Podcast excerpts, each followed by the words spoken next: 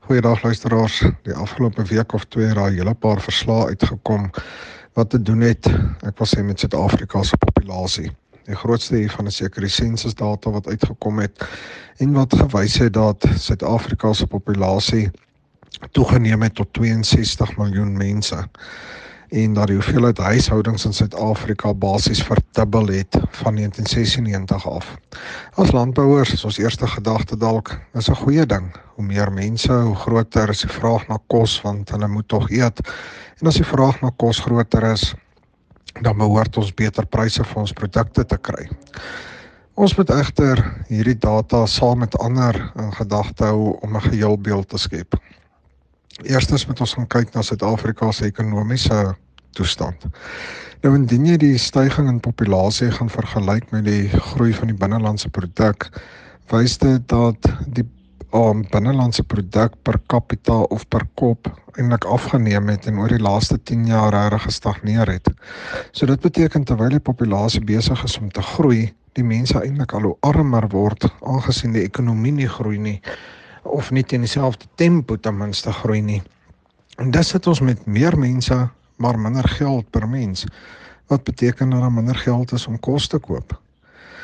Indien ons gaan kyk na die minimumloon in Suid-Afrika en jy gaan trek om geld wat spandeer moet word op vervoer en energie af, beteken dit dat daar vir 'n gesin van 4 maar ongeveer R430 per persoon per maand oorbly om kos te koop vir die maand. Dit terwyl die um broodlyn of nie die broodlyn nie, maar die bedrag geld wat nodig is om vir een mens gesonde kos vir 'n maand te voorsien hier rondom R990 is as ek reg onthou. daarmee saam wys navorsing wat om um, Shoprite laat doen het dat teen 2025 ongeveer 48% van die mense in die land onder voet gaan wees.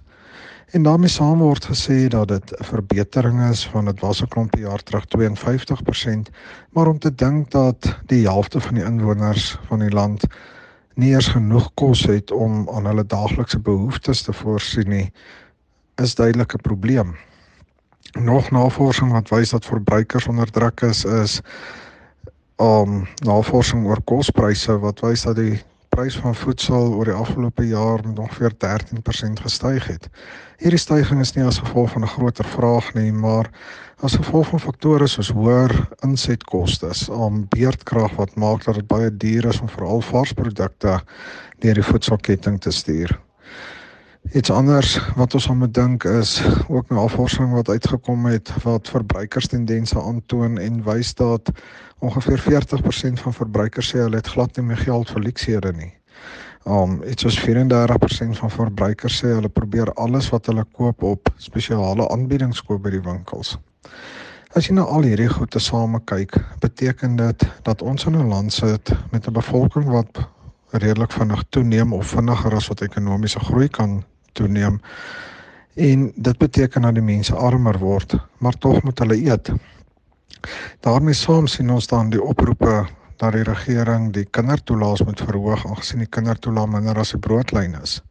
Wat gaan gebeur met ou mense en ongeskiktheidspensioene wat beteken dat daai mense onder die broodlyn is? Wat gaan gebeur met minimumlone? En ons wil nie eers daaraan dink nie, maar gaan dit op 'n punt kom waar die regering gaan wil inmeng met kospryse en prysplafonne daarstel wat heeltemal teen die reëls van 'n vrye mark is. Ons moet dink aan die aan die populasie in die land en die mense maar tog gaan dit gaan dit moeilik wees om aan almal se behoeftes te voldoen want ons weet ook die regering het net soveel geld. So daar gaan planne in plek gesit moet word om te verseker dat almal met 'n vol maag kan gaan slaap en Wat hierdie planne gaan wees en hoeveel inmenging ons deur die staat gaan sien, weet ons op hierdie stadium ongelukkig nog nie.